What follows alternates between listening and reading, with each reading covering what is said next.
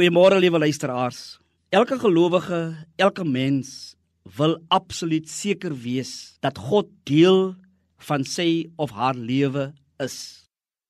Almal van ons wil tog in die teenwoordigheid van die Here wees en dit so beleef.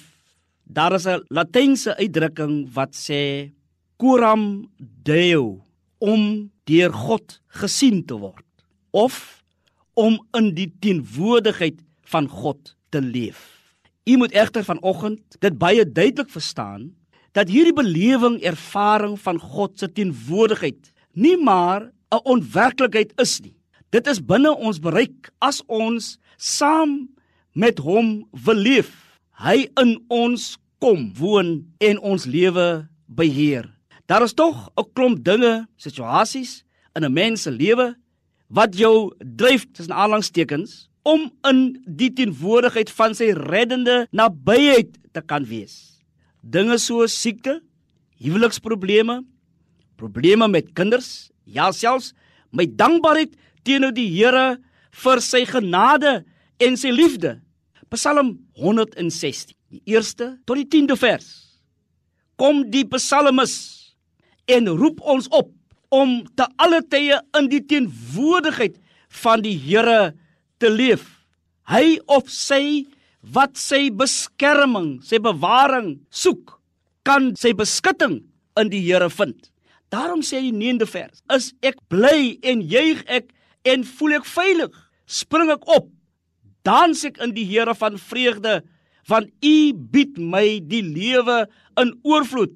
Ek kan alleen in U teenwoordigheid wees. Ek kan by U skuil. In U teenwoordigheid voel ek werklik veilig.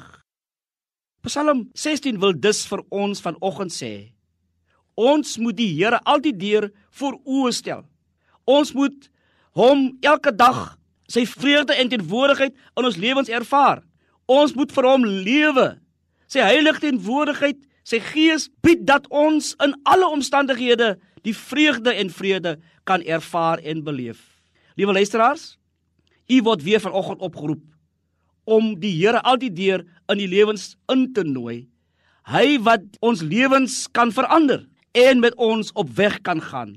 Ek is in sy teenwoordigheid verseker dat die opgestaande Here my deel is en aan my lewe die vreugde verskaf.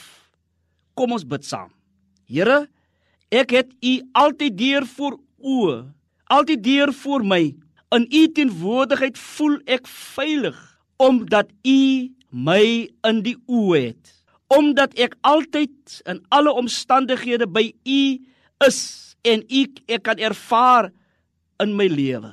Dankie dat die woord ook vir my leer dat u my nooit begewe of verlaat nie. Daarom voel ek veilig en sal ek nie struikel nie. Amen. 'n geseënde dag vir u.